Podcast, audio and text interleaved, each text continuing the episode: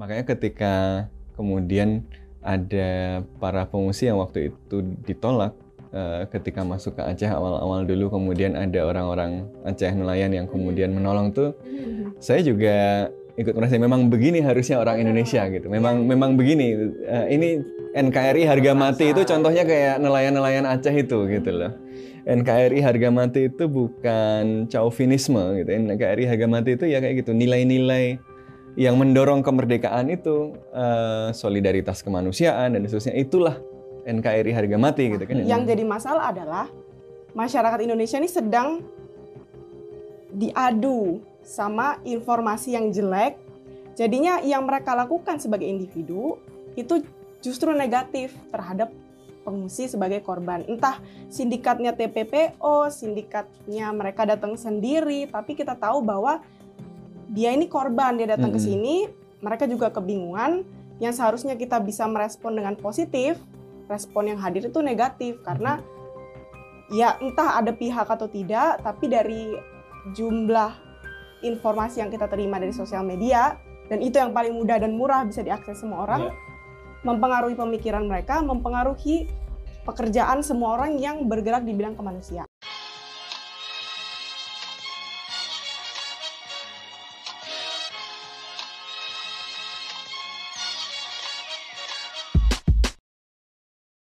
Selamat datang kembali di podcast Bebas Aktif episode 17 season ketiga. Dan hari ini uh, gue kembali bersama Mas Sofwan. Halo. Dan ada dua orang uh, perempuan luar biasa yang hari ini juga datang. Kita kan agak jarang ya sebenarnya kita feature ini perempuan, tapi kita di isu ini alhamdulillah banyak uh, yang cukup juga terjun di bidang ini. Jadi kita pengen tahu perspektif mereka dan ada Mbak Arni dan Mbak Atika dari uh, Suaka yakni suatu yakni perkumpulan yang dia berfokus untuk uh, memenuhi HAM para pengungsi. Nah, kalau gitu kayaknya udah kegambar nih. Kita ngomongin ada uh, organisasi yang bergerak di bidang pengungsi dan sekarang kayaknya isu yang lagi panas yang akan kita bicarakan yakni soal pengungsi itu sendiri. Uh, khususnya pengungsi uh, yang beretnis Rohingya. Hmm. Karena sejak akhir November lalu, kira-kira sekitar dua minggu yang lalu ya, belum terlalu lama, hmm. itu mulai kembali panas isu uh, pengungsi Rohingya sebelumnya kayak beberapa dua tiga tahun ke belakang sempat ada berita juga. Tapi uh, secara khusus Iya, tapi biasanya cuma muncul sporadis yeah. terus hilang gitu kan sporadis biasanya cuma hilang, muncul sporadis gitu, terus kan. hilang. Jadi ada beberapa ada uh, cukup banyak ya. Kalau nggak salah udah sekarang udah sampai 1500 ya yang baru datang ya. belum yang sudah menetap. Oh iya iya. Ada 1500 uh, sekitar 1500 pengungsi Rohingya yang datang uh, ke Indonesia terutama di daerah Aceh gitu ya di daerah Sumatera yang dia baru datang dengan kapal dan itu banyak memicu uh, polemik gitu terutama ketegangan dengan masyarakat lokal yang kemudian juga kita lihat banyak uh, eskalasinya di media-media nasional gitu ya hmm. di media nasional ataupun influencer media sosial media ya sosial. influencer yang biasanya nggak ngomong yeah. soal pengungsi apa gitu kan tiba-tiba ngomongin itu benar ya jadi, kita kan jadi wow ada apa ini benar, gitu kan jadi jadi gitu. uh, memang di satu sisi kita temukan ya cukup merupakan fenomena yang dapat dipahami ya ketika ada ketegangan antara pengungsi dan juga yeah. Ya. uh, warga setempat dan juga uh, tapi di sisi lain ada juga gimana sentimen yang kemudian anti pengungsi mm -hmm. bahkan cenderung yang melihat pengungsi ini nggak berterima kasih dan segala macam lah itu uh, justru semakin memanas di uh, jagat media sosial terutama. Nah uh, kalau dari ya tadi kan itu se seawamnya saya ya yang kita kita kita kan bukan bergerak di bidang pengungsi kita kurang tahu. Kira-kira kalau dari teman-teman suaka uh, secara kronologi ya gimana sih dari ini? peristiwa ini?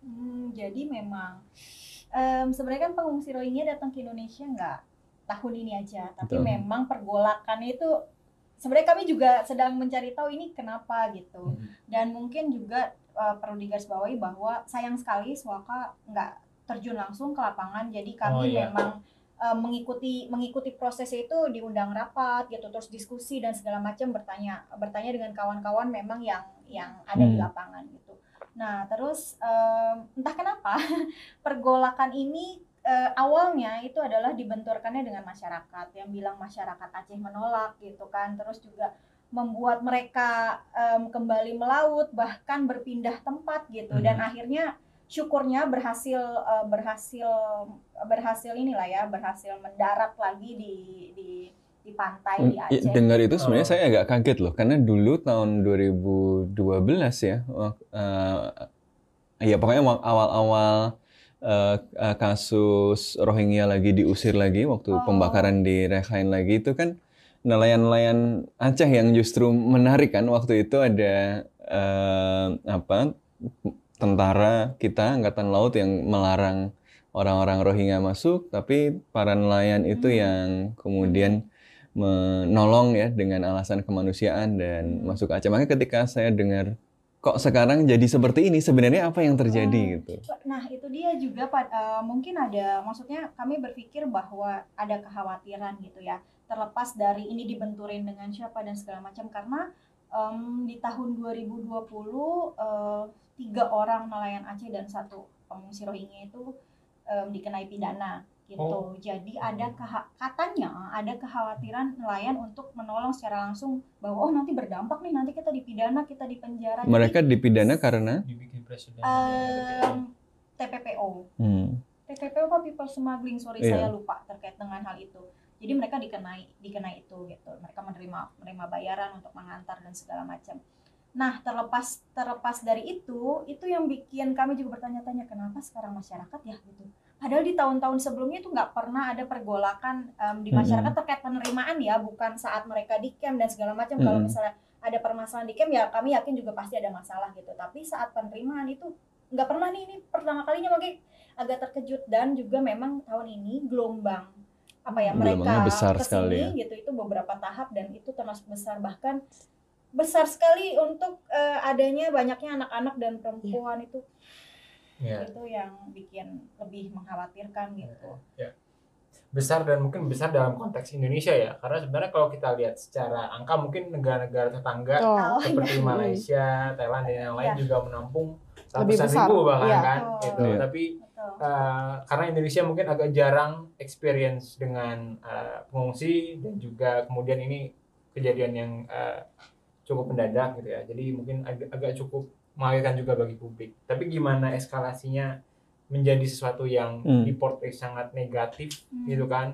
soal pengungsi eh, minta makan tambahan atau dia nyanyiin makanan Iya, kan hal-hal iya. yang petty kayak gitu ya Eh, tapi oh. kemudian justru di play up jadi ya sesuatu yang Hmm. negatif kayak oh ya pengungsi Rohingya nggak usah di sini lah atau gimana segala macam Hmm, hmm, Diba- dibanding-bandingin sama rakyat Indonesia oh rakyat Indonesia masih banyak yang belum bisa makan Iya. yang belum ini nah Iya. jadinya kan eh, apa ya agak muncul muncul semi semi xenophobic gitu kan jadi ini Mm-mm. benih-benihnya Mm-mm. kalau kita bisa lihat nah Mm. ini apakah berangkat dari apa mungkin kita harus mulai dari pemahaman yang benar dulu soal pengungsi kah Iya, atau seperti apa gitu Jadi sebenarnya ada kasus-kasus tadi kan udah disebutin tuh ada nelayan yang tiga ditangkap bersama dengan satu pengungsi dengan tuduhan apa ya eh, penyelundupan orang Hmm. atau eh, tindak pidana apa eh, ya penyelundupan orang ya orang. perdagangan Orang. orang ya kan TPPO.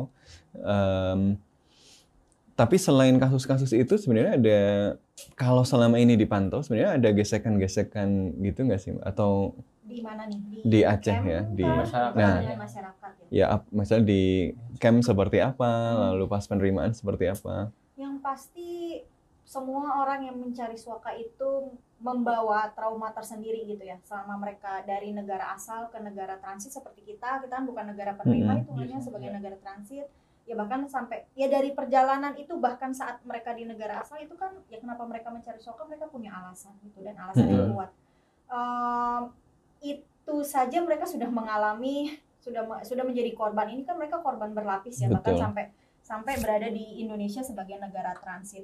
Nah, hal-hal hal-hal seperti itu mungkin em, kami berpikirnya sih itu adalah misinformasi ya terhadap masyarakat. Jadi ya gesekan siapa sih yang nggak siapa sih yang, yang Ya. sebenarnya kan itu bisa ya bertetangga dan- itu biasa gitu apalagi tiba-tiba ada orang yang tadinya gitu ya. nggak ada di situ gitu kan Betul, ya dan perbedaan budaya bahasa ya ini kan memang memang apa ya sa- beberapa faktor yang bisa menimbulkan itu. Tapi kan itu se- sebenarnya sesuatu yang bisa dicegah dengan pemberian informasi. Nah kami beranggapan bahwa pemberian informasi itu memang tidak merata.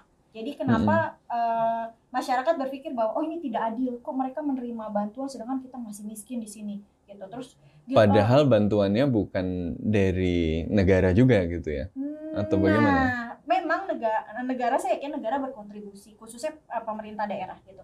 Tapi apakah sepenuhnya tidak? Apakah sejak dari awal tidak? Kami yakin tidak dari awal karena itu adalah semua gerakannya itu gerakan hmm, seperti di Perpres gitu bahwa ini adalah tanggung jawab organisasi internasional. Ya, gitu. Terus juga bahkan organisasi yang berada di Indonesia itu juga itu juga memberikan bantuan gitu. Entah bantuannya apa tapi memang memberikan bantuan. Nah di sini pemerintah melakukan apa? Iya pemerintah memberikan bantuan tapi kan ada kewajiban. Misalnya yang mencarikan tempat itu harus pemda gitu kan terus yang segala macam itu. Hmm. dan kami berpikir bahwa pemberian bantuan memang itu kan tidak mungkin berlangsung lama ya gitu. Dan Hmm. dan tapi ternyata ya sampai saat ini pemberian bantuan ya masih terus masih terus dilakukan. Dan ya itu tadi pemerintah sebenarnya pemerintah banyak gak sih memberikan bantuan ya? Kalau misalnya dari segitu kan nggak ada APBD APBN gitu khusus untuk um, Pengungsi nggak ada. pengungsi nggak ada gitu. Jadi ya Ya. itu salah satu kekhawatiran ya kalau misalnya kita ngobrol sama pemerintah daerah ini kita nggak ada pagunya. Kalau kita ngambil kita bisa kena korupsi gitu ketahuan BPK dan segala Hmm. macam. Iya benar. Nah itu makanya peraturan untuk mereka pun em, pemberian bantuan gitu ya bukan bantuan pemberian ya penggunaan dana PBD atau APBN memang belum ada sayangnya di Hmm. itu juga Hmm. salah satu kekhawatiran yang dikhawatirkan oleh Pemda gitu. Mm-mm, mm-mm. jadi memang ya memang perlu ada regulasi kan tambahan untuk hal tersebut mm-mm. Jadi kalau kita lihat ini kan sebenarnya menarik ya Eh, teman-teman eh, Rohingya ini pengungsi Rohingya ini kan kalau sekarang kita lagi ramai soal eh, Palestina Rohingya ini kan Mhm. sebenarnya kondisinya rada-rada mirip juga ya Palestina. karena Iya. mereka tapi tidak sama iya Ya. eh, mereka diusir dari tanahnya tapi kemudian eh, jadi dulu ketika awal kemerdekaan Burma kemerdekaan Myanmar itu ada ada listnya tuh eh, sebagai salah satu national ethnic gitu di Myanmar kan Hmm. gitu. Tapi kemudian karena proses politik eh, nation building di Myanmar eh, itu kemudian eh, etnis Rohingya ini dikeluarkan gitu kan. Sejak dia dikeluarkan di-exclude ya, kemudian eh, militer berkuasa, ya mereka kan kemudian berkali-kali mengalami eh, operasi militer ya, operasi apa naga emas ya. Jadi mereka kemudian menjadi sasaran eh, dari ya operasi militer kan untuk kemudian disingkirkan dari tanahnya. Jadi mereka juga bukan baru-baru ini saja jadi pengungsi dan bukan cuma di Indonesia gitu kan. Ya, mereka Eh, juga lama di Cox Bazar atau Betul. daerah lainnya Iya. yang memang menjadi pengungsian dan itu Cox Bazar di Bangladesh nah, ya. Bahkan sayangnya di Bangladesh. Myanmar, Iya. itu di Bangladesh gitu. Jadi mengalami persekusi, mengalami diskriminasi itu udah lama sejak Iya, lama. iya, gitu. Iya, iya. Ya, Dan yang paling baru sebenarnya kan tahun 2012 itu ya, Hmm. yang eh, meledak tahun 2012 yang eh, waktu itu kita melihat videonya banyak tuh yang pembakaran-pembakaran desa gitu ya. Kemudian sampai eh, ada rombongan eh, ribuan orang itu ki- kita lihat videonya dan foto-fotonya itu jalan kaki eh, menyeberangi sungai kan ke wilayah eh, Bangladesh karena desa-desa mereka dibakar gitu. Dan yang saya ingat dulu eh, Aung San Suu Kyi yang sekarang di apa dibela tep- eh, dan kudetanya misalnya dianggap sebagai kejahatan besar ya memang kejahatan kita mengatakan iya. kudetanya sebagai kejahatan tapi dulu Suu Kyi juga eh, termasuk kondon ya eh, termasuk permisif ya ya. permisif terhadap eh, apa yang dilakukan terhadap Rohingya ini yang dan waktu itu kemudian memicu eh, banyak kritik juga dari masyarakat internasional. Ada negara di Afrika kecil yang jauh yang eh, kemudian malah membawa isu Rohingya kan ke ICC kan, Eh, Gambia justru. Oh. Jadi bukan Indonesia, bukan Myanmar, bukan tetangga-tetangganya, tapi justru negara yang jauh sekali gitu ya itu eh, menyampaikan eh, protes gitu ya menyampaikan eh, bahwa ini pelanggaran terhadap kemanusiaan ini clearly eh, genocide dan harus diproses. Nah tapi ini eh, kan sesuatu yang sebenarnya menarik ya. Maksudnya kalau kita kembali ke konstitusi kembali ke Undang-Undang Dasar 1945 eh, ya kemanusiaan itu kan part and parcel dari nasionalisme Indonesia seharusnya gitu kan. Nah, gitu ya. Eh, jadi makanya ketika kemudian ada para pengungsi yang waktu itu ditolak eh, ketika masuk ke Aceh awal-awal dulu kemudian ada orang-orang Aceh nelayan yang kemudian menolong tuh saya juga ikut merasa memang begini harusnya orang Indonesia gitu. Memang memang begini. Eh, ini NKRI harga mati itu contohnya kayak nelayan-nelayan Aceh itu gitu loh. NKRI harga mati itu bukan chauvinisme gitu. NKRI harga mati itu ya kayak gitu nilai-nilai yang mendorong kemerdekaan itu eh, solidaritas kemanusiaan dan seterusnya itulah NKRI harga mati gitu kan dan yang itu yang ditunjukkan oleh nelayan-nelayan Aceh pada waktu itu.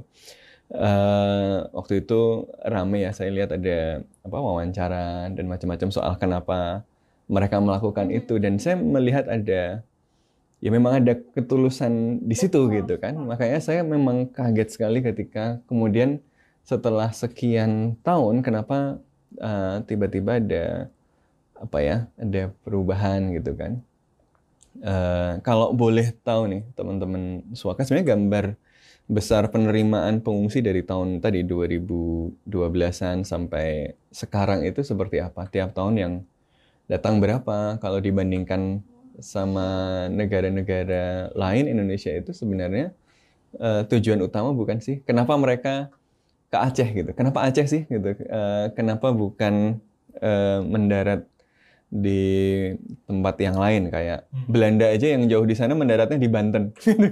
Iya kan? Ada dulu itu pengungsi. Bukan fungsi. Eh, eh, Iya, tapi kenapa Aceh gitu? Apakah memang eh, A- kan nggak mungkin tujuan utamanya Aceh ya?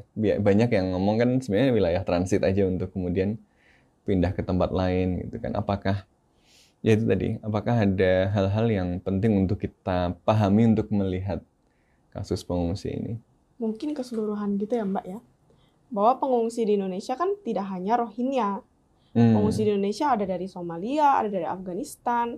Terus kedatangan mereka juga caranya berbeda-beda. Kebetulan Mm-mm. Rohingya ini uh, boat refugee disebutnya. Jadi dia memang mungkin karena jalur laut juga ya. Mereka Jadi dia lewat kapal. Aceh gitu. Tapi kemudian pengungsi yang lain ya lewatnya nggak dari Aceh juga. Bisa dari berbagai tempat. Itu kenapa imigrasi, terus UNHCR itu terpecah di berbagai tempat. Ada di Jakarta, ada di Aceh, ada di Pulau, ada di Kupang. Karena memang pengungsi itu hadirnya di berbagai tempat dulu. Mm-mm. Kalau data per tahunnya sebenarnya bisa dilihat di data yang dibuka sama UNHCR. Mereka kan update terus ya datanya. Ya Per- jangan salah akun ya. UNHCR ya. Asli, Soalnya ada akun yang yang- asli. Yang asli. Itu kan?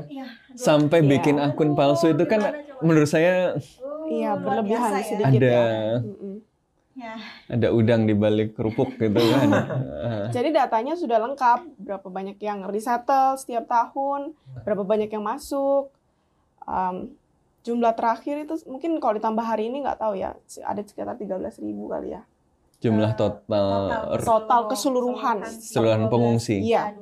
bukan Oh. cuma Rohingya. Oh, Bukan cuma Rohingya. Oh, dari segitu, Eh, orang Rohingya berapa? 2000 Dia sih kayaknya peringkat ketiga ya sekarang. Mm-mm. Sebenarnya Hmm. bukan Rohingya per se, tapi Myanmar nih. Biasanya em, Oh, jadi kan memang yang mendata itu UNHCR. UNHCR tidak memisahkan. per negara jadi. Jadi eh, eh, jadi itunya per negara Hmm. asal gitu. Jadi konteksnya adalah Myanmar. Jadi tidak Rohingya. Cuman memang yang dari Myanmar itu kecil banget dibanding Iya, Rohingya. ya yang ter, yang terpersekusi dan Betul. harus pergi dari tanahnya kan orang-orang. Rohingya gitu ya. paling besar memang Rohingya dan dari Myanmar itu itu peringkat ketiga. Yang pertama Mm-mm. Afghanistan, kedua Somalia, ketiga baru. Iya. dari- Mm-mm. Mungkin dengan Hmm. hari bulan ini mungkin nanti berubah lagi ya datanya. Ya, Karena kan ada yang kedatangannya baru jumlahnya ya. 1.500 sendiri. Kenapa hari ini banyak? Ada apa gitu? Oh, iya, emang. Kenapa tiba-tiba ada 1.500 mau ke sini? Misalnya ngelihat dari kita belum tahu gitu ya karena memang belum ada belum ada riset yang keluar. Kami juga tidak melakukan riset terha- terkait dengan hal tersebut. Jadi menurut menurut eh, kami tidak cukup gitu untuk apa yang kami sampaikan untuk menggambarkan situasi. Tapi memang kondisi yang kami tahu dari kawan-kawan kondisi Cox Bazar memang sudah memprihatinkan gitu. Memang sudah tidak layaknya camp. Jadi Ya mungkin bisa diceritakan sedikit Cox Oh, Bazar itu Mungkin ini apa juga gitu terkait ya, hoax. gitu ya. Hoax yang baru itu Cox Bazar digambarkan di internet bagus, bangunannya bersih, terus bagus lah. Tapi mungkin uh, kalau untuk meluruskan bisa dicek di akunnya UNHCR yang asli ya di YouTube tuh mereka datangkan video tentang Cox Bazar yang real dan itu memang kondisinya nggak seindah yang beredar di TikTok atau di Jadi Instagram. Cox Bazar ini uh, adalah tempat penampungan Camp. utama Hmm, gitu ya, camp camp utama besar. untuk orang-orang Rohingya Iya. yang dia ada di Bangladesh. Bangladesh. sayangnya tapi karena dia daya tampungnya nggak memadai lagi gitu ya, Melebihi kapasitas. uh, kemudian banyak pengungsi yang mencari tempat lain gitu kan ya. dan memang dan bukan itu aja ya bukan masalah konteks tempat nyaman tidak tidak nyaman aman Iya. tidak aman tapi adalah pemenuhan haknya juga nggak ada kan semuanya butuh proses anak-anak butuh Sekolah. sekolah yang kayak gitu-gitu kehidupan sehari-hari yang mereka harus penuhi Iya, iya. itu udah udah udah nggak ini lagi lah udah tidak sangat-sangat tidak layak Hmm. gitu kan Hmm, hmm, besar kan. Ya, pengungsi kan juga bukan kayak mereka itu punya pilihan gitu kan. Ya mereka emang nyari suaka ke tempat yang paling memungkinkan aja buat mereka gitu. Jadi ada yang lebih memungkinkan ke Bangladesh dan juga lebih Mm. memungkinkan ke Indonesia dan ya mereka di sini harus ya kemudian eh, struggle dengan Ya, ya. apa yang ada di Indonesia ini kan. Tapi kalau Seakan-akan saya mereka kayak punya pilihan kenapa ke Indonesia, kenapa nggak ke Iya, yang lain. jadi itu kayak pertanyaan yang kenapa nggak ke tempat lain hah kenapa itu di ini ya gitu itu yang Iya. mungkin yang mungkin udah kayak mereka nggak ada pilihan oh ya udah kita kita bisa ke mana Iya, nih gitu iya, oh ya udah iya. kita ke sana gitu ya apa pun kesempatan yang ada Betul. dipakai. Iya, dipakai. Ya, saya membayangkan ya maksudnya ya emang orang naik kapal yang kapalnya itu Kayu. eh, bong apa ya nggak layak itu Kayu, digunakan untuk overload, gitu. melewati lautan itu kan berarti yang ada di daratan yang ditinggalkan itu sesuatu yang layak ditinggalkan iya dan diambil resikonya gitu kan ya berarti kan em, Dan yang ya pasti ada somehow anak-anak ya.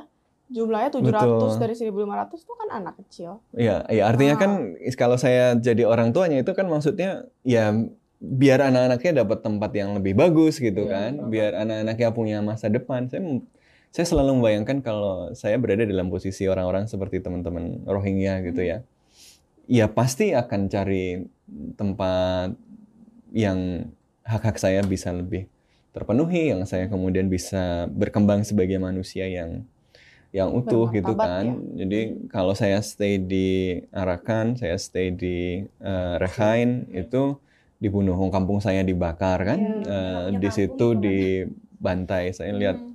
ya kita semua apa sudah baca lah ya report-reportnya Hmm. media dan macam-macam itu clear ada uh, pembantaian terhadap etnis uh, Rohingya yang dengan demikian oh, kalau saya nggak mungkin pulang ke kampung saya ya saya pasti cari tempat lain tapi saya cari tempat lain di mana gitu kan Uh, ke uh, Bangladesh tadi ternyata situasi di Cox's Bazar juga nggak terlalu uh, kondusif. Mungkin juga sama ya, apalagi jumlahnya lebih banyak. Mungkin ada gesekan Lebih parah gesekan lah. dengan kan orang-orang nggak nggak ada di sana, jadi Bangladesh juga kan. tahu ya. Terus situasi juga mungkin nggak baik dan saya dengar dulu ada kesepakatan repatriasi ya, yang disuruh apa balikin ke uh, Myanmar lagi. Padahal nggak ada jaminan dia di di kampungnya. Nanti aman gitu. Kita kan tahu sekarang apalagi uh, habis kudeta terhadap uh, pemerintah yang demokratis, yang demokratis saja uh, akhirnya tidak bisa membel- membela kemanusiaan karena mereka menjaga keseimbangan dengan dominasi militer gitu kan. Uh, Suci kan dulu nggak bisa ngomong banyak juga salah satu penjelasannya uh, ya karena dia harus menjaga keseimbangan dengan uh, militer. Kalau dia terlalu galak nanti militer kudeta. Tapi ternyata dia nggak galak juga dikudeta Iya, gitu ya. iya, Jadi. Iya, ya. Jadi kadang-kadang memang kita harus biarkan kalkulasi nilai itu di depan gitu. ya. Tapi anyway, eh, nah eh, ya tadi. Jadi kalau saya diusir dari kampung, kemudian cari tempat baru di tempat baru, saya juga nggak bisa hidup, nggak ada tempat berpijak, nggak ada tempat untuk membuat anak-anak saya bisa punya masa depan. Ya Hmm. saya ka- pasti akan cari Hmm. tempat lain kan gitu bahwa kemudian ada eh, kesempatan pergi dengan kapal yang mungkin 50-50 kalau naik kapal itu Dulu pernah ada kasus hilang juga ya Hmm, di laut. Iya. 300 sekian orang. dan laut di Samudra Hindia itu kan ombaknya tinggi ya. jadi kalau pakai kapal kayak gitu itu kan ya ya itu risikonya hidup dan mati gitu bahwa mereka mau mengambil risiko itu kan ya berarti memang ada push factor yang luar Iya, biasa gitu kan itu alasan utamanya kan kita juga nggak nggak apa sih namanya ya kita belum tahu karena memang belum semua informasi itu kan jelas ya Mm-mm. belum semua diwawancarai gitu kan terkait dengan hal itu gitu Iya. jadi ya memang Iya, sebenarnya alasan-alasan itu nggak tahu ya. Jadi, maksudnya saya juga kalau misalnya ditanya kenapa Indonesia, kenapa Indonesia ya gitu. Kalau misalnya kita nggak Tep- kawan-kawan Rohingya lah, ya, tapi kawan-kawan pengungsi lain gitu yang di sini, mereka tahu Indonesia sebagai. Memang mungkin awal-awal mereka ada juga yang ketipu gitu atau saudaranya udah di sini gitu. Ya udah kamu ke, Indonesia. Tapi kan yang sejarah lama atau pengungsi-pengungsi yang lain kan mereka em, awal ya nggak tahu gitu em, Hmm. bahwa Indonesia negara apa sih tapi memang mereka nggak bisa across ke ya Australia nggak bisa ke mana-mana Iya. dulu ya lewat Indonesia, Lewat Indonesia dulu gitu, gitu kan ya oh yaudah mereka akhirnya ter ya mereka bilangnya kita kami merasa terjebak yang kayak gitu-gitu dan ternyata Hmm. lama di sini jadi bayangan banyak pengungsi yang membayangkan bahwa oh kita akan cepat nih proses dan segala macam ya jadi, jadi sebenarnya banyak yang tujuan. menjadikan Indonesia itu transit gitu ya Dan memang secara official disampaikan ya Hmm. sama Indonesia dan Malaysia waktu itu di ASEAN ketika naik kasusnya Rohingya mereka menyetujui untuk kita negara Jadi transit, transit aja country. gitu, ya. Tapi Ya. kenapa eh, ya tadi jadi nggak jadi nggak lancar, jadi banyak tertahan di Indonesia gitu ya? dan proses sih ya Proses, maksudnya iya, betul. memang kan di sini em, akhirnya balik Jadi lagi sasaran utamanya kan sebenarnya mereka mau ke tempat-tempat yang secara ekonomi menawarkan kesempatan lebih kayak Australia gitu Iya. kan ya? dan juga memang kalau misalnya konteks kepengungsian gitu itu adalah negara-negara kita bilangnya negara ketiga gitu atau negara tujuan dan yang memang kalau misalnya berbicara terkait dengan um, hukum pengungsi ya Indonesia memang bukan negara tujuan Iya. karena bukan belum jadi Ratifikasi. pihak Hmm. ratifikasi gitu yang bisa menentukan itu kan um, setelah mereka ratifikasi gitu lah cuman kan memang Indonesia dibilangnya ada negara transit tapi ya ini juga ini agak tricky juga transit Kok lama? ketentuannya berapa lama sih sebenarnya konteks Mm-mm. konteks Iya. transit itu nah Mm-mm. itu juga tuh yang yang kita yang kita belum clear ya apalagi masalah pemenuhan hak ya gitu Hmm, Dan jadi memang ada problem eh, tata kelola juga gitu ya. Jadi kalau dari segi sebab kita oh clear sudah paham bahwa memang ini ada orang-orang yang eh, sedang mengalami eh, ancaman kemanusiaan dan mereka butuh pindah ke tempat yang lebih baik.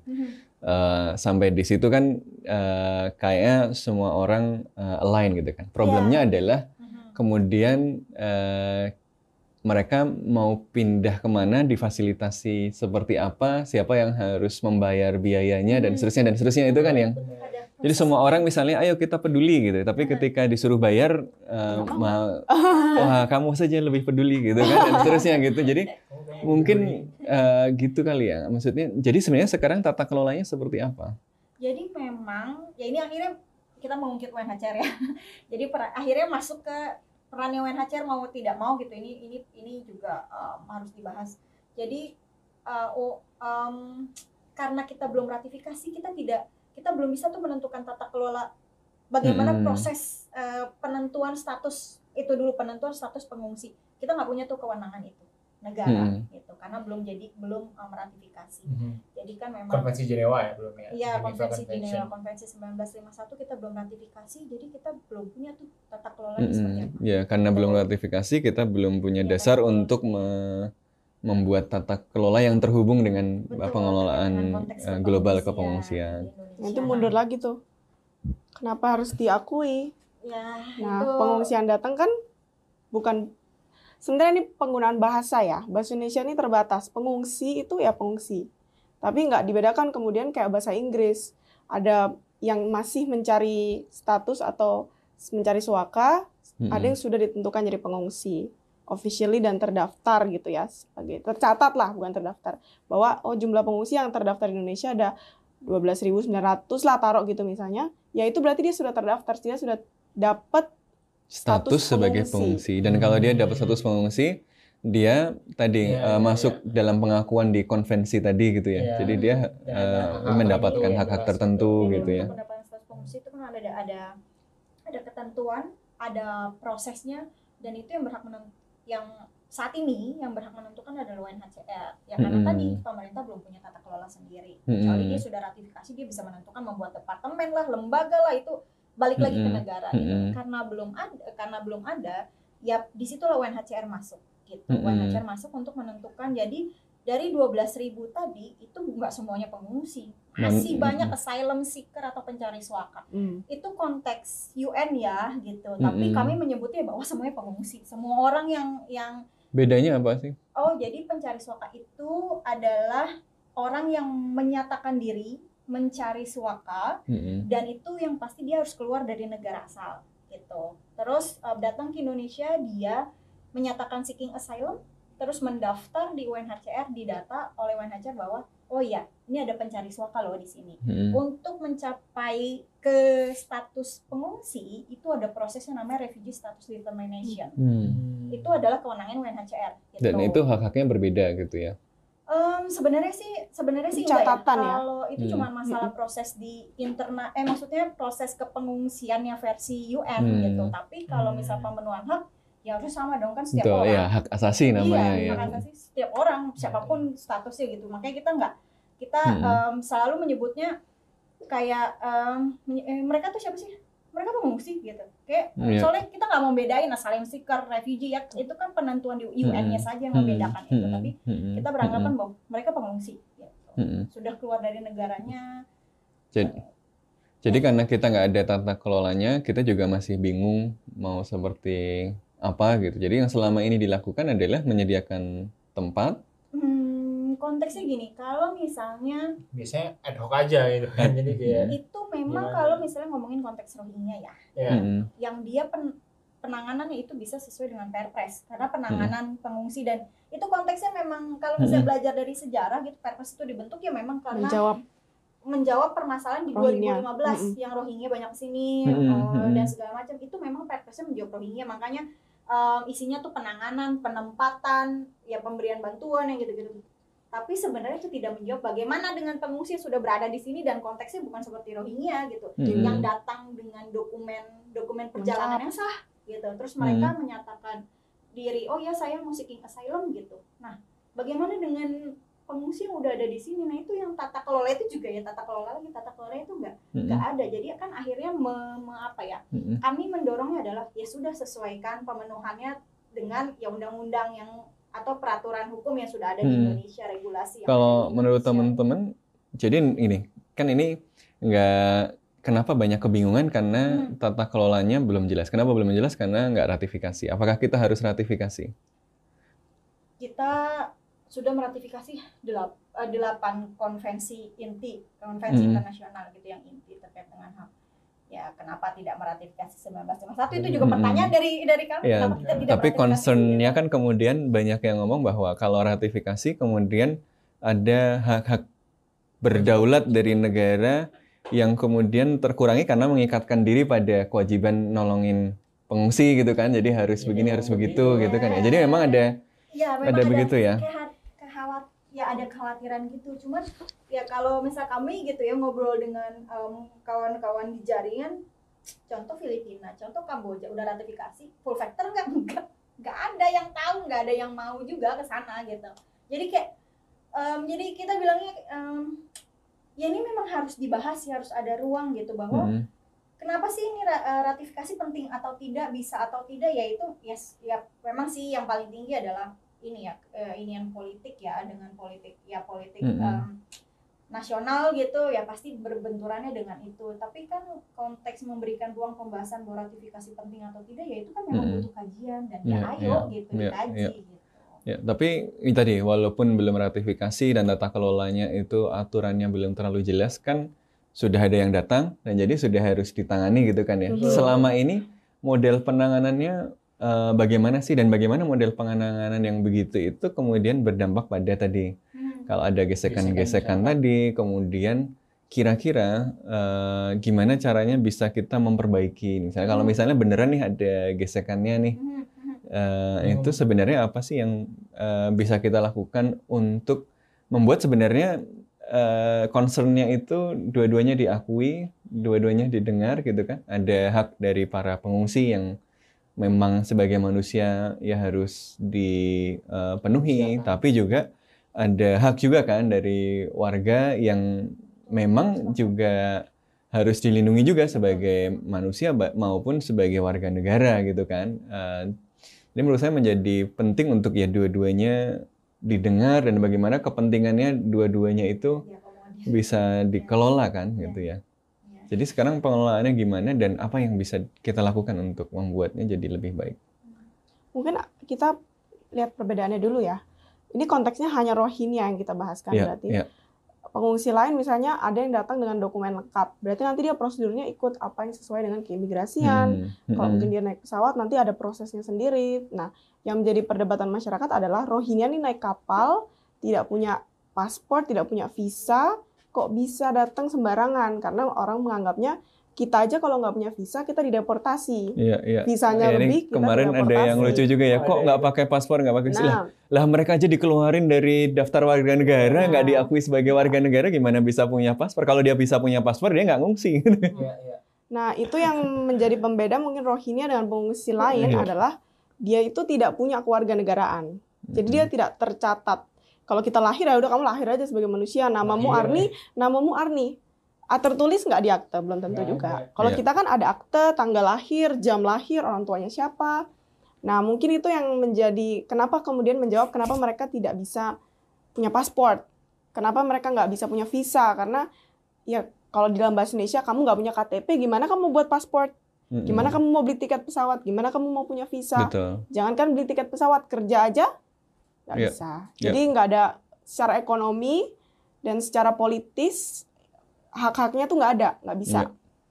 Em, mungkin ini yang menjadi awalan masyarakat belum mengerti Nah, ya. itu, itu yang namanya biopower katanya. Hmm. Jadi eh, bagaimana negara itu menjadi teknologi yang menentukan manusia itu manusia beneran atau enggak gitu kan. Iya. Kalau dia kemudian dapat status sebagai sebagai warga negara, dia dipenuhi eh, dan Haknya. dilihat sebagai manusia. Tapi ketika negara melihat dia tidak ada, dia bukan bagian dari warga gue kok gitu kan. Dia eh, ya nggak manusia sepenuhnya gitu kan. Mhm. Selama nggak ada lagi yang mengakui, ya dia akan berada dalam limbo tadi gitu ya. Dia nggak dianggap manusia, dia mati ya, ya mati aja kayak kayak binatang Iya, gitu ya. betul. Eh, Bahkan kalau kita lihat uh, statelessness ya, status kepeng- status ketidakpunyaan warga negara itu sampai mati dia tidak tercatat.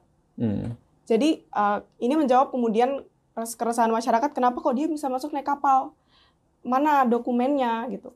Ya karena mereka tidak bisa punya dokumen itu. Itulah kenapa mereka jadi boat refugee. Uh, terus nanti ada pertanyaan lagi, tapi mereka nih bawa kartu UNHCR Bangladesh. hmm, Berarti dia nih diselundupkan masuk nih sengaja gitu dibawa. Jadi orang mengira orang fokus kepada pull factornya, yang dilihat pull factornya terus. Oh di dalam negeri ini pasti menarik perhatian, tapi dia lupa Mm-mm. bahwa mungkin di Bangladesh ada permasalahan, mungkin di Myanmar ada permasalahan yang menjadi push factor dia keluar. Mm-mm, Nah, itu. B- Tapi betul bahwa memang ada beberapa eh, yang memang masuk melalui ya calo-calo dan seterusnya itu kan ya. Dan memang wajar ya maksudnya di semua kasus di mana orang terusir tadi ya, eh, ya dia mau pergi mau mau cari selamat gitu kan.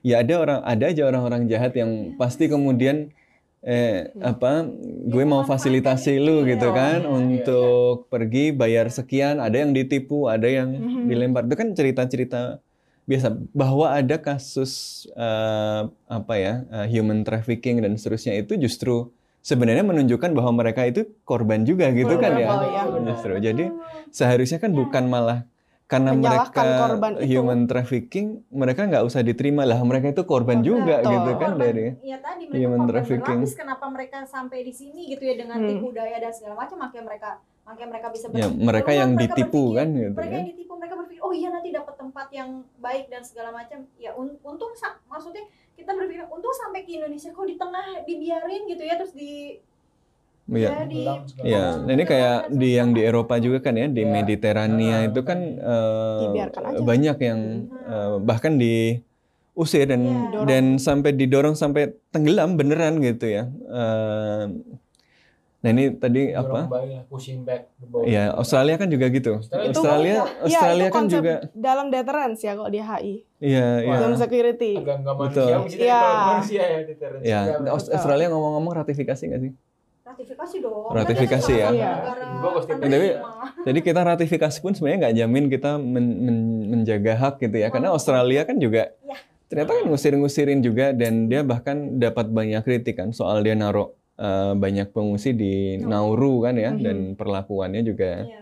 eh, ya banyak Ya, eh, kritik ya itu yang kan tidak manusiawi gitu. penelitian juga hasilnya kan tidak baik gitu sama kayak konsepnya waktu mereka di Pulau Galang ya nggak ada yang baik kalau misalnya mereka benar-benar di apa ya tidak Asingkan. terintegrasi Mm-mm. dengan masyarakat gitu ya dengan Nah. sosial gitu. Nah, tapi di, tadi, jadi gimana nih? Eh, tadi eh, eh, kalau kita lihat kan secara komprehensif, oh nggak bisa nih cuma dilihat pull factor yang ada push factornya. Push factornya kan jelas tadi. Yang Salah satu yang paling tertindas atau mungkin paling tertindas di dunia gitu ya. Dan Eh, stateless, Iya, ya stateless stateless eh, eh, person yang mereka nggak diterima di tanah yang mereka anggap eh, Rumah tanah mereka. kelahirannya yang dianggap rumah, jadi mereka harus eh, pergi. Jadi ada faktor struktural yang membuat mereka nggak bisa pulang, nggak punya dokumen, nggak bisa punya paspor dan seterusnya gitu, sehingga nggak- mereka harus cari tempat.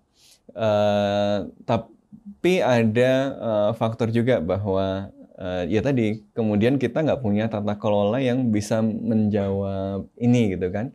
Em, ada eh, warga yang mau menerima kemudian eh, tadi me- memasukkan eh, para pengungsi gitu ya, tapi kemudian kita juga kebingungan eh, Indonesia sepertinya juga kebingungan tata kelolanya seperti apa gitu kan di- diakui sebagai wilayah transit tapi kok transit terus nggak pindah-pindah gitu kan. Jadi masalahnya sebenarnya kalau kita lihat lebih besar bukan cuma ada di Indonesia juga tapi ya memang tata kelola kepengungsian global gitu ya Betul. kan kalau saya bayangkan kenapa di Indonesia transit terus berarti macet juga kan dia mau pindah ke tempat lain berarti yang lain juga nggak mau nerima juga kan gitu ya bahwa berarti kan yang lain eh, Ini kayak jalanan yang bottleneck gitu. betul Yang mobil yang masuk banyak, jalan keluarnya Mm-mm. cuma sekecil ini. Ya, mau nggak mau yang di belakang iya nunggu dulu. gitu. Iya, Iya. betul. iya iya nah gimana caranya melancarkan bottleneck-nya Wah, Ini negara ini. negara ini kalau ya kayak kalau kalau lagi ada bottleneck kan biasa orang ribut ya sama-sama buru-buru sama-sama ini. Nah, ya kan? Yang yang lagi di jalan itu ribut satu sama lain kan sering ada road rage gitu. Sama orang sekitar situ yang lagi pada duduk-duduk gitu dan seterusnya juga ada ribut. Jadi hal yang wajar ketika ketika secara struktural ada persoalan tata kelola ya kemudian ada gejala-gejala yang muncul kan benturan-benturan itu ya alamiah kadang-kadang dari hal-hal kecil kan kayak dia ditampung di pengungsian dapat makan eh, Tiga banyak kali tiga kali sehari. sementara orang yang di sekitarnya harus nyari makan Ya, susah gitu ya. kan maksudnya secara alamiah pasti ada ketegangan ketegangan gitu kan ya Eh, ada kecemburuan sosial mungkin bisa disebut itu mm, mungkin ya. mm, mm. nah itu eh, kira-kira gimana tuh cara ini ya Kalau di camp sih ya untuk untuk ini adalah banyak pembelajaran yang bisa, kita ambil um, mm-mm. dari dua- 2020 dari 2020 sampai sekarang kan juga lumayan banyak ya daripada tahun-tahun sebelumnya gitu. Jadi pembelajaran memang dulunya tidak terorganisir tuh bantuan menumpuk dan segala macam. Jadi pas dilihat sama warga, kok mereka buang-buang makanan? Karena tidak terorganisir. Iya, itu itu itu apa sih namanya? uh, Oh, jadi karena banyak yang mau bantuin, Banyak makanan banyak makanan yang masuk banyak. banyak, Betul. akhir padahal jumlah pengungsinya ya sekian, jadi nggak kemakan Nggak semua, kemakan, terus gitu kemudian ya. kelihatan sisanya banyak, warga lihat gitu kan, kok mubazir. kok mubazir Iya, gitu, udah kok dikasih makanan kok nggak eh, bersyukur gitu ya. tapi semenjak itu jadi kawan-kawan di lapangan belajar bahwa oh ini harus harus apa sih namanya terjadwal terintegrasi dan segala macam. Jadi bantuan tuh sudah mulai eh, sudah mulai tertata lah jangan sampai numpuk kita gantian. Iya tahu yang mau ngasih bantuan banyak karena ya masyarakat Indonesia kan peduli ya suka sama membantu. peringkat pertama untuk memberikan Ya. donasi bantuan Ya saya dicegat UNHCR di mall, Oh iya. terus Di Blok M ini Makasih sih? gini. Iya. bakal ya harus harus dong. Harus ya. Eh, ya ya harus. Jadi, jadi kalau misalnya di camp sih tata kelola sudah semakin baik, Mhm. ya, em, apa terinformasi, em, apa sih namanya rajin rapat dan segala macam gitu ya. Tapi kan yang di yang di luar itu, nah itu pemahaman pemahaman seperti berhenti di situ saja gitu dan di antara di antara kita saja yang memang mengetahui isu itu, tapi ternyata itu tidak menyebar keluar. Dan itu juga mentoknya dari tataran pemerintahnya saja, tapi kan Mhm. itu ada kewajiban pemerintah untuk memberikan pemahaman. Ya masa CSO lagi sih yang memberikan itu kan kewajiban Iya, pemerintah. iya, ya. iya. Nah, harusnya pemerintah memberikan pemahaman kalau agar tidak agar tidak mengurangi lah segre- Betul. segregasi sosial. Iya, iya. Terus ada juga yang soal apa yang rame di medsos itu yang satu seperempat juta gitu ya. Itu sebenarnya gimana tuh? Oh, itu uang mana? buat pengungsi itu. Heeh. Jadi Wah ini menarik ada- nih kayaknya. Ha, gitu. ada dua tipikal em, kita menyebutnya ada sebenarnya ada tiga sih jadi kan memang ada pengungsi yang mendapat bantuan dari organisasi internasional IOM UNHCR Mm-mm. tapi yang paling besar memang IOM terus dan organisasi lain gitu terus ada juga yang pengungsi yang hidup mandiri nah ini nih pengungsi yang hidup mandiri nah yang ketiga adalah pengungsi yang model-model kayak Rohingya dia di camp dulu nanti baru dilihat ada Mm-mm. um, di shelter IOM yang yang memang punya tempat gitu Hmm. ya di daerah-daerah lain karena memang Aceh nggak punya shelter sebenarnya itu hanya bentuk camp Hmm. sementara memang nah nanti Oh jadi itu bukan shelter, Bukan. itu camp itu sementara. camp camp dan ya memang untuk sementara gitu karena dia belum punya belum punya shelter nah saat gasnya sedang maksudnya ya kita sedang mengusahakan apakah perlu membentuk shelter gitu nah terus habis itu dilihat bahwa ki- mereka akan melihat kemu daerah-daerah mana shelter-shelter IOM mana yang sudah permanen yang bisa ditinggali nanti oleh kawan-kawan yang tadinya berada di Aceh ini kawan-kawan Rohingya nanti Mm-mm. disebar nah itu juga waktu itu menimbulkan pertanyaan udah dikasih tempat gitu Kok malah pergi? kok malah dipindah Oh gitu. jadi yang dibayangkan adalah oh mereka tinggal di situ terus membaur gitu ya sama warga atau gimana? sebenarnya kan Kok mereka pergi terus juga Iya semuanya. Loh, kok ditinggal gitu? semuanya. semuanya dikritisin. kalau misalnya nanya kita kami uh, pernah ya ketemu dengan kawan kawan eh dengan masyarakat gitu masyarakat malah sebenarnya senang oh kita bisa membantu kita jadi tahu kesulitannya karena berinteraksi langsung kan mereka jadi tahu nih gitu Hmm. kok ternyata mereka kayak gitu ya mereka mengenaskan bah- bahkan ada yang lahirnya udah di Cox Bazar mereka nggak tahu eh, mereka nggak tahu em, asal muasal mereka tuh gimana sih gitu ya udah mereka taunya oh ini saya di sini gitu Ini Saya juga pelurusan nggak sih bahwa Rohingya yang ada sekarang itu udah generasi keberapa gitu. Mm-mm. Bisa jadi mereka tidak lahir di Myanmar, Iya, bisa jadi iya. dia lahir di Indonesia. Ya, Ah, Iya. Yang datang hamil, anaknya lahirnya di Iya. Indonesia. Ya dia nggak tahu juga. Kita nggak bisa kemudian menyalahkan, ya kamu Rohingya, kamu harus keluar dari sini. Tapi kan dia waktu ketika orang tuanya berusaha mencari suaka, dia tuh belum ada gitu. Mhm. Iya, iya, Ah, iya. ya, Itu.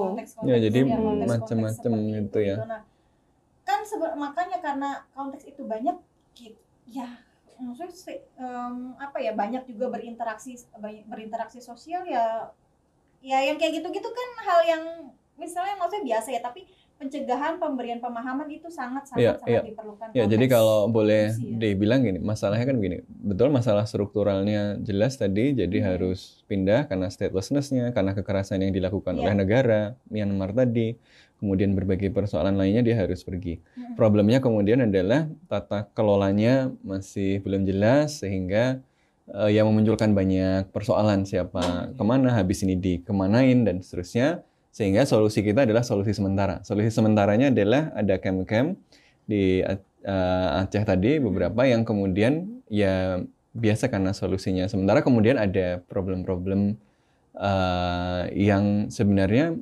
eh, apa ya bisa dicegah kalau ada komunikasi, ada informasi yang eh, sebenarnya baik gitu karena tadi ya tadi saya tuh orang yang sangat percaya orang Indonesia itu baik-baik gitu ya. Ya tadi eh, nelayan Aceh yang bawa Rohingya dulu pas terkatung-katung sementara negara tadinya nggak menerima, itulah Indonesia yang sebenarnya gitu kan.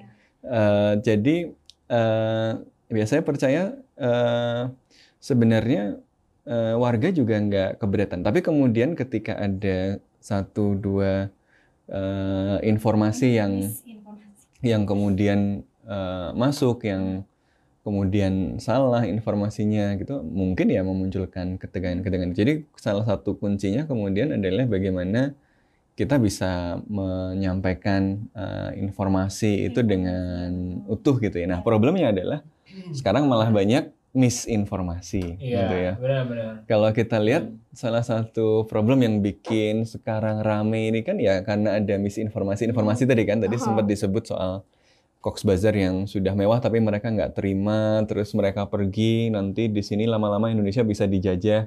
Iya. Itu ada yang bilang bahwa kasihan. Apa ya? Eh, saya justru kasihan sama yang ngomong itu ya itulah yang menghambat Indonesia emas tuh kalau ada yang Iya. percaya begitu itu ada juga yang bilang eh, ya tadi Indonesia meng- Indonesia nggak bisa maju kalau menerima gara-gara menerima pengungsi itu kan hal-hal yang sangat absurd dan sekarang eh, masif sekali gitu. Hmm.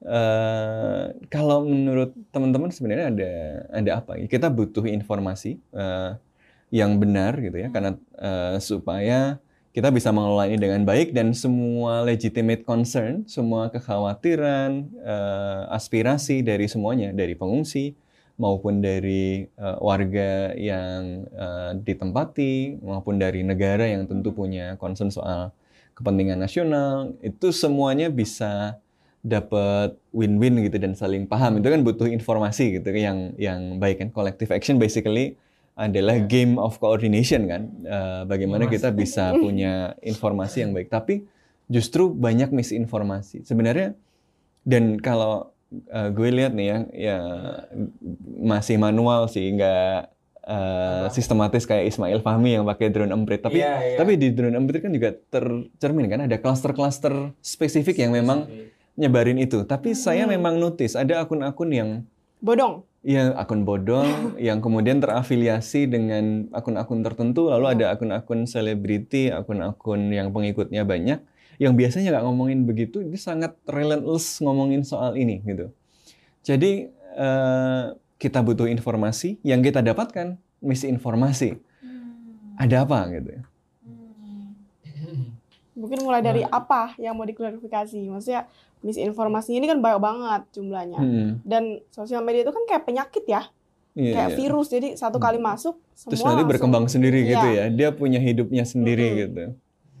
Ya Ya, dikembangkan. sebenarnya kalau saya mungkin agak perspektif yang lain ya. Karena dari tadi Mas Sofan sangat optimis dan kayak solusinya cukup teknokratis aja gitu. Apa eh, infor- Uh-uh. apa information asymmetry aja gitu. Heeh, Padahal heeh. kan emang eh, dalam persoalan refugee di mana pun di Eropa di sini juga emang itu adalah suatu eh, permasalahan sosial gitu kan karena kita ngelihat ya kita orang yang berbeda dari kita gitu baik secara eh, warna kulit, secara Ya. agama, secara budaya dan lain segala macam dan dari situ kita nggak mudah menerima gitu. Itu kenapa kemudian ada yang bilang ya sebenarnya orang Indonesia ini bakat-bakat juga buat jadi xenophobic, buat Hmm. jadi chauvinis kayak orang-orang Eropa gitu kan terhadap imigrannya.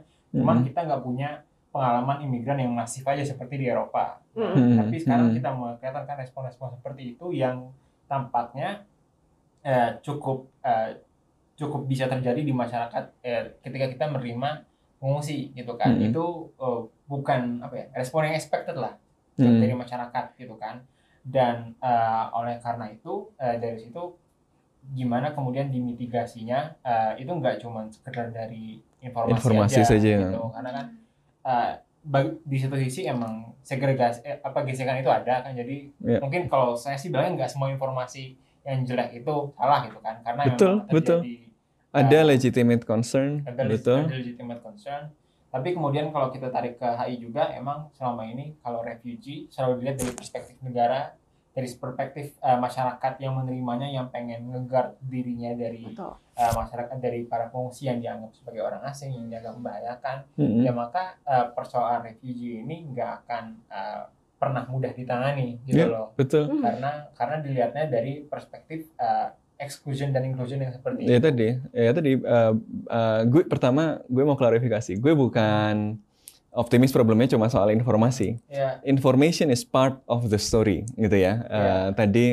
eh, bahwa kemudian yang kemudian memunculkan ketegangan-ketegangan ini adalah eh, asimetri informasi gitu ya. Tetapi of course ya tentu saja dia bukan satu-satunya problem ya. Ada problem struktural tadi ada problem tata kelola eh, dan tentu saja ada problem eh, ya apa yang sifatnya eh, biopower tadi ya. Negara secara alamiah itu memang didesain untuk menjadi eksklusif gitu kan. Ada Iya. warga negara dan ada yang bukan warga negara ketika saya harus memilih mana yang saya bela duluan, pasti saya bela warga negara duluan karena memang negara sebagai eh, sebuah institusi politik itu didesain eh, demikian kan. Eh, jadi part and parcel dari uh, ide yang namanya kedaulatan tadi. Makanya selalu ada ketegangan antara gagasan uh, nasionalisme dengan kosmopolitanisme gitu Betul. kan. Heeh. Walaupun kemudian uh, para founding fathers kita sebenarnya meletakkan dengan jelas bahwa nasionalisme Indonesia itu beda sama nasionalismenya Eropa loh. Nasionalisme Indonesia itu tentu saja ini aspirasi gitu ya. Iya. Makanya gu- ketika gue bilang orang Indonesia itu gue percaya baik itu aspirasi. aspirasional dan gue percaya bahwa seharusnya Indonesia itu kayak gitu. Uh, bahwa kemudian banyak yang nggak kayak gitu Iya. ya ya itu manusiawi gitu loh. Jadi manusiawi. kita striving untuk mencapai ideal yang kita bayangkan dari founding fathers itu karena kita dulu kenapa kita mau merdeka? Karena kita pernah mengalami ratusan tahun diperlakukan sebagai bukan manusia gitu kan. Kita tidak dianggap sebagai manusia oleh struktur kolonial. Kita dianggap manusia yang nggak utuh, otaknya separuh gitu atau Mm-mm. masih anak-anak aja gitu. Jadi nggak layak memerintah. Kita harus diberadabkan dan seterusnya. Dan dari pengalaman itu, ya Indonesia Ya. kemudian eh, menyatakan bahwa sistem yang membedakan manusia ada manusia beneran, ada yang bukan manusia ini harus dihapuskan.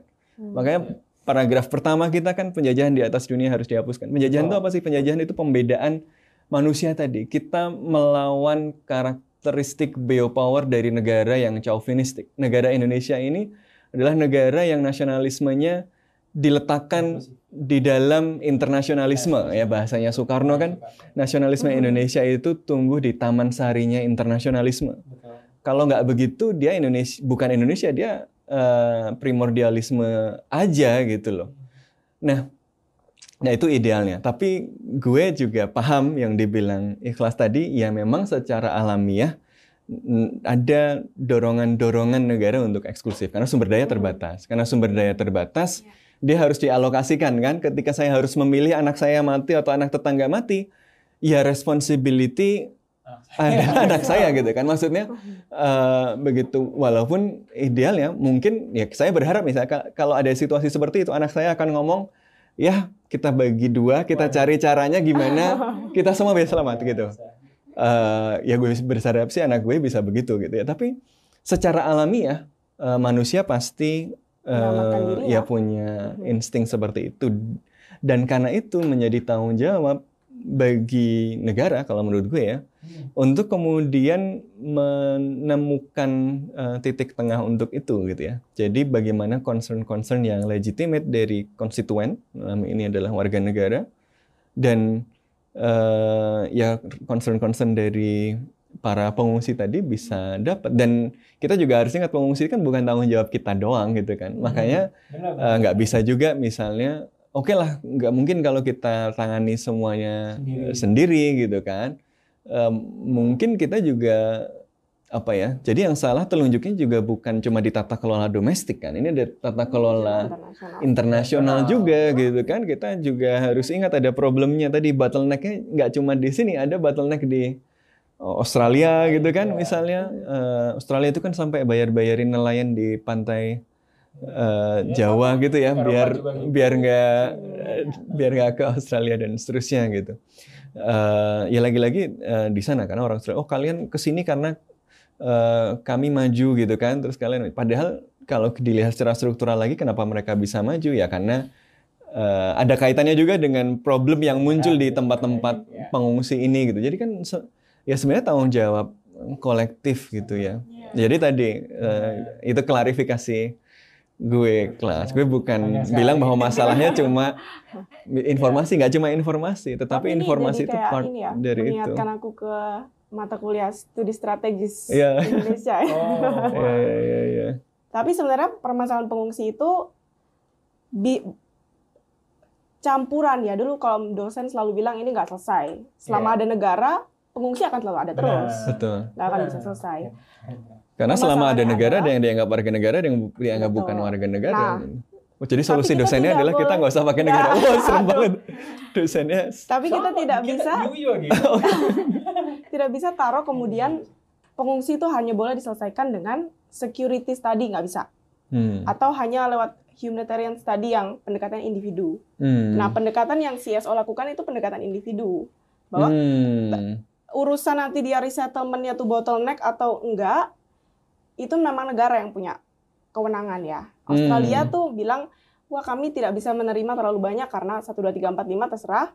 Ya memang berarti kita di sini harus menampung agak lebih lama. Mm-mm. Nah kemudian Mm-mm. apa yang kita bisa lakukan di Indonesia ini, maka kita gunakan pendekatan humanitarian studies itu. Mm-mm. Bahwa kita nih pertolongan apa yang kita bisa lakukan ya untuk pengungsi selama mereka di Indonesia ini transit Mm-mm. gitu. Jadi eh, pemahaman yang satu ini setelah masuk ke dalam dunia yang lebih praktis, ternyata teori satu dengan teori lain itu ada hubungannya Mm-mm. bahwa yang menjalankan tugas kemanusiaan itu ya memang organisasi, organisasi internasional, mungkin ada organisasi pemerintah untuk hak asasi manusia. Lalu nanti dalam pendekatan nasional yang lebih security yaitu urusan pemerintah satu dengan pemerintah lain atau organisasi yang bergerak di bidang keamanan gitu. Mm-mm. Nah, jadi kita ini yang kita lakukan sebagai CSO atau sebagai masyarakat untuk menanggapi situasi pengungsi ya kira-kira apa yang bisa kita lakukan di level individu. Nah, Mm-mm. yang jadi masalah adalah masyarakat Indonesia ini sedang diadu sama informasi yang jelek. Jadinya yang mereka lakukan sebagai individu itu justru negatif terhadap pengungsi sebagai korban. Entah sindikatnya TPPO, sindikatnya mereka datang sendiri, tapi kita tahu bahwa dia ini korban, dia datang ke Mm-mm. sini, mereka juga kebingungan. Yang seharusnya kita bisa merespon dengan positif, respon yang hadir itu negatif karena ya entah ada pihak atau tidak, tapi dari jumlah informasi yang kita terima dari sosial media dan itu yang paling mudah dan murah bisa diakses semua orang Iya. mempengaruhi pemikiran mereka, mempengaruhi pekerjaan semua orang yang bergerak di bidang kemanusiaan. Hmm. Jadinya misalnya kita kemarin di Aceh mau memasukkan bantuan kemanusiaan sulit tertolak gitu. Padahal mungkin niat kita bukan kita tidak nasionalis, tapi kan kembali lagi nasionalisme itu tidak boleh membuat kita menjadi manusia yang rasis. Mm-mm. Mm-mm. Nasionalisme itu tidak harus kemudian digambarkan dengan kamu orang etnis lain, kamu pergi aja ke laut mati. Mm-mm. Itu namanya bukan nasionalis. Itu Betul. kita jahat ya sebagai manusia. Bisa aja nasionalisme kita itu digambarkan dengan em, oh kita harus bantu dulu. Kita Mm-mm. lihat dari sisi kenapa ya mereka di sini lama gitu. Iya. Oh kalau mereka lama dan nggak bisa ngapa-ngapain secara aturan kenegaraan tidak bisa bekerja, anak-anak tidak bisa sekolah, berarti kita harus bantu sebisa kita. Masyarakat misalnya, oh masyarakat Aceh tuh ada yang masak-masak untuk pengungsi, bantuin, itu kan sebisanya. Tidak ada yang memaksa mereka harus kasih ini itu. Nanti pihak-pihak yang berwajib, pemerintah, organisasi atau CSO yang mampu akan membantu sesuai Mm-mm. kapasitas Ah. juga. Gitu. Ya. Tapi menurut gue ada uh, poin menarik tadi. Pertama adalah uh, paradigma itu memang Benar. matters ya. Cara Ya. BTW cara di- berpikir. juga kayak gitu mas. Di saya kan ngambil mata kuliah migrasi global. Heeh, itu sangat itu karena ada sangat kosmopolitan. Kosmopolitan, karena kan kesalahannya adalah methodological nationalism alias kita selalu melihat dari perspektif negara. Mm-mm. Makanya kalau negara nggak kelar-kelar gitu. Iya, iya. Jadi tidak ada perspektif yang basisnya individu, referent objeknya adalah individu, gitu Iya, kan? Ada yang objek. referent objeknya adalah negara, yang ini kemudian nggak ketemu gitu ya. Eh, ya satu mikir eh, strategik melihat ini sebagai ancaman potensi ancaman keamanan, potensi instabilitas gitu kan, atau dalam bahasa lain adalah eh, foreign komponen dari body politics, gitu. sesuatu yang kemudian bisa ya merusak body politics yang tadinya sudah kohesif tadi, sementara yang satunya melihat bahwa semua manusia eh, sama punya hak yang sama, bagaimanapun kondisinya dia harus dijamin. Tapi sebenarnya Indonesia adalah ide yang mencoba tadi kembali lagi Iya, ke gue, iya. adalah Ah. ide- yang mencoba mengkompromikan itu kan gitu ya bahwa nasionalisme kita itu bukan nasionalisme yang berbeda. Tadi kalau tadi nasionalisme kita itu ya bukan nyuruh orang kembali ke laut dan biarin mati di situ gitu kan karena pas eh, sila kedua kita aja kemanusiaan yang adil dan beradab gitu kan. Eh, yang tentu saja nyuruh orang pengungsi yang nggak punya tempat kembali kembali ke laut itu yang nggak manusiawi dan nggak beradab gitu kan. Em, tapi em, menurut gue kemudian jadi satu yang memang perlu ada dialog antara perspektif ini gitu ya. Mungkin bagus juga kalau NGO-NGO ikut Lemhanas ada juga ya. Tapi orang-orang orang-orang tentara-tentara itu kemudian pengambil kebijakan itu juga ikut training-training yang Berbagai apa ya yang perspektifnya lebih uh, uh, humanitarian gitu kan. Siapa tahu saling tahu. Karena menurut gue ya uh, perspektif perspektif itu kadang-kadang self fulfilling prophecy. Karena lu percaya itu dunia lu jadi kayak gitu gitu. Uh, tapi ketika lu kemudian ngomong sama orang uh, dunia lu bisa berubah gitu ya. Dan ternyata kemudian ada solusi solusi baru. Makanya gue suka banget Naruto. Karena senjata terkuat Naruto adalah uh, jurus terkuat Naruto adalah Tok no Jutsu karena dia ngomong dengan ngomong musuhnya yang lebih kuat itu akhirnya uh, ternyata dan itu yang menarik. Karena karena dia itu yang yang kemudian menjadi kekuatan terbesarnya adalah dia mencoba mendengar perspektif yang lain Makanya ada ada cerita dulu kan lagi lawan Pain ya, Painnya kemudian cerita dulu dia background korban perang loh gitu kan. Uh, dan dia kecewa dengan sistem internasional dan dia kemudian ingin menunjukkan bahwa perang itu jelek kita hancurin aja pakai senjata pemusnah massal biar semua orang tahu bahwa perang itu jelek gitu sehingga kita bisa mencapai perdamaian. Jadi penjahatnya itu ada backgroundnya dan ketika backgroundnya itu dipahami kemudian diajak ngomong ada cara lain loh untuk kemudian kita cari solusi ini. Kita mungkin punya solusi kreatif. Ya kayak tadi itu kalau kita ngotot pakai perspektif kita doang masalah nggak selesai gitu. Tapi iya. kalau kita mencoba semuanya mendengar concernnya warga sekitar apa sih? Concernnya hmm. pemerintah nasional apa sih? Concernnya pemerintah daerah apa sih?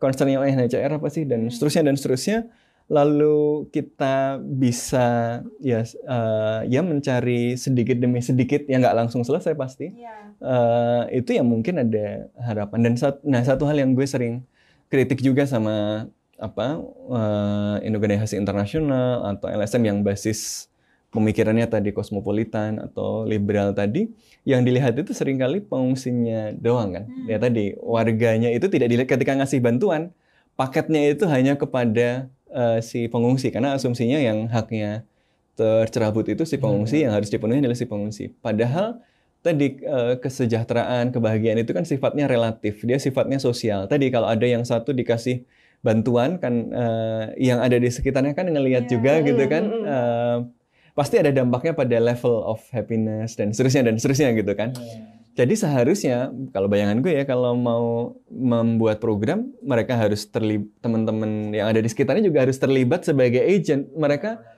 mereka harus dilibatkan gitu juga sebagai bagian dari program itu gitu ya. Misalnya mereka yang mau organisir ngasih bantuan ya mereka juga dapat trickle down effect dari bantuan itu misalnya. Jadi di lapangan seingatku di tahun 2020 Mas uh, lupa ininya gimana. Jadi akhirnya disepakati bahwa yang ngasih bantuan coba tolong jangan makanan-makanan kita beli aja. Nah belinya dari masyarakat sekitar. Betul, yang ya. jaga oh, masyarakat sekitar oh, gitu yang melihat iya ya dan mereka jadi jadi un, maksud dapat untung juga iya, gitu kan. Iya, perputaran ekonomi dan segala macam keterlibatan nah sebenarnya itu ya. Jadi informasi juga bisa dari situ Betul. gitu. Nah itu sebenarnya itu langkah baik. Cuman kan um, apa sih namanya ya itu oke okay, baik di satu tempat gitu ya memang Tapi uh, yang best ternyata, practice itu kan bisa di bisa hmm. juga diulang lagi di tempat yang lain nah ini memang penanganan-penanganan seperti itu entah ya maksudnya itu apakah diberikan ruang atau tidak itu kan juga tergantung kondisi sekitar kan gitu atau ya ternyata memang ya masyarakat juga ada yang memilih ya, yang nggak mau paham aja ya udah pokoknya kita nggak hmm. kita nggak menerima gitu ya kalian di sini membawa istilah membawa malapetaka di iya. Indonesia yeah. menggunakan dana Indonesia yang kayak gitu-gitu jadi oh ya udah gitu ya tapi kan yang yang pasti adalah PR dari kami eh PR kami adalah ya bagaimana awareness ini tetap mm-hmm. disuarakan yeah. gitu ya emang isu ini isu susah kan yeah. dan uh, mungkin tadi namanya kan misinformasi kekurangan kita kita tuh bukan kita kami ya berarti secara keseluruhan adalah kita masyarakat Indonesia iya ketika informasi itu ada terlalu berkabut pikirannya. Pokoknya hmm. kalau saya udah nggak suka, yeah. informasi benar pun jadi salah. Perspektif tadi akhirnya balik lagi kan. Gitu ya, Betul. Ya, yeah. Jadi bahwa ketika ada informasi yang benar atau yang berbeda, harus benar juga, tapi hmm. berbeda, kita harus baca dulu apakah kemudian ini benar atau tidak. Yeah. Terima dulu sebelum kita menolak. Nah itu yeah. yang kalau dari aku sebagai orang yang staff untuk uh, komunikasi dan advokasi melihatnya masyarakat memang masih ada di dalam pemahaman bahwa mereka maunya menerima informasi yang mereka mau terima aja.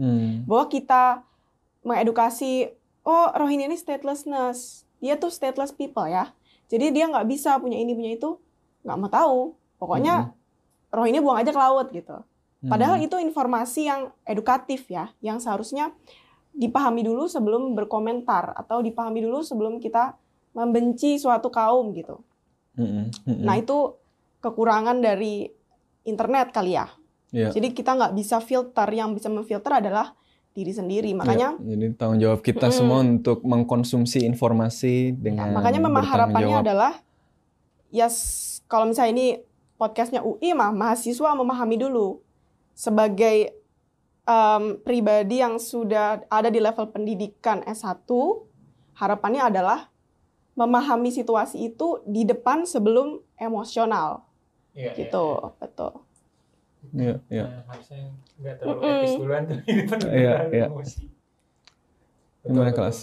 Ya. Jadi emang rumit ya. Eh, Oh. Tadi masalahnya ada masalah struktural, ada soal tata kelola eh, pengungsinya, ya, ada soal ketegangan antara perspektif eh, yang menekankan kepentingan nasional dan perspektif yang menekankan kemanusiaan. Betul. Ada eh, yang concern-concern yang legitimate dari semua pihak gitu ya. Ada problem informasi dan misinformasi gitu. Memang kayaknya ya harus diurai.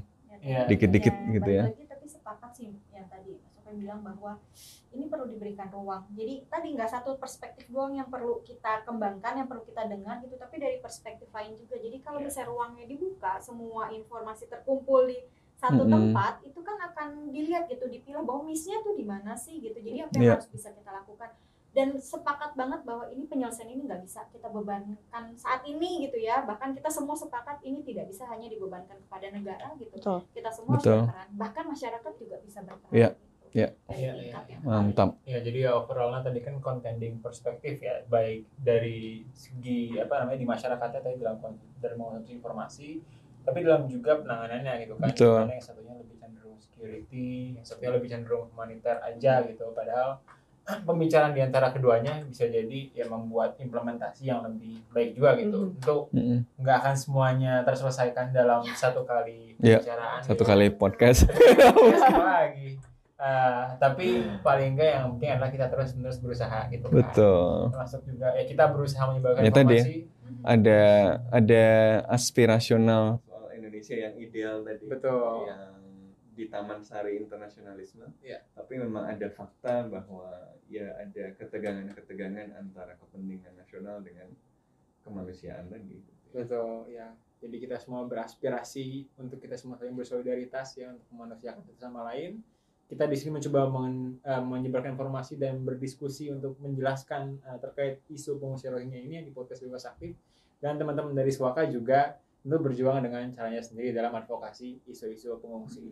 Nah, teman-teman conference eh, Hmm. jangan lupa juga nanti untuk eh, kita pikirkan baik-baik ini ya tadi kita tidak gampang terjebak dalam salah satu perspektif saja dan kita bisa melihat satu sama lain termasuk fungsi Rohingya juga sebagai manusia. Cukup segitu kayaknya Ya. buat kali ini. Mantap. Sampai jumpa di episode selanjutnya. Thank you.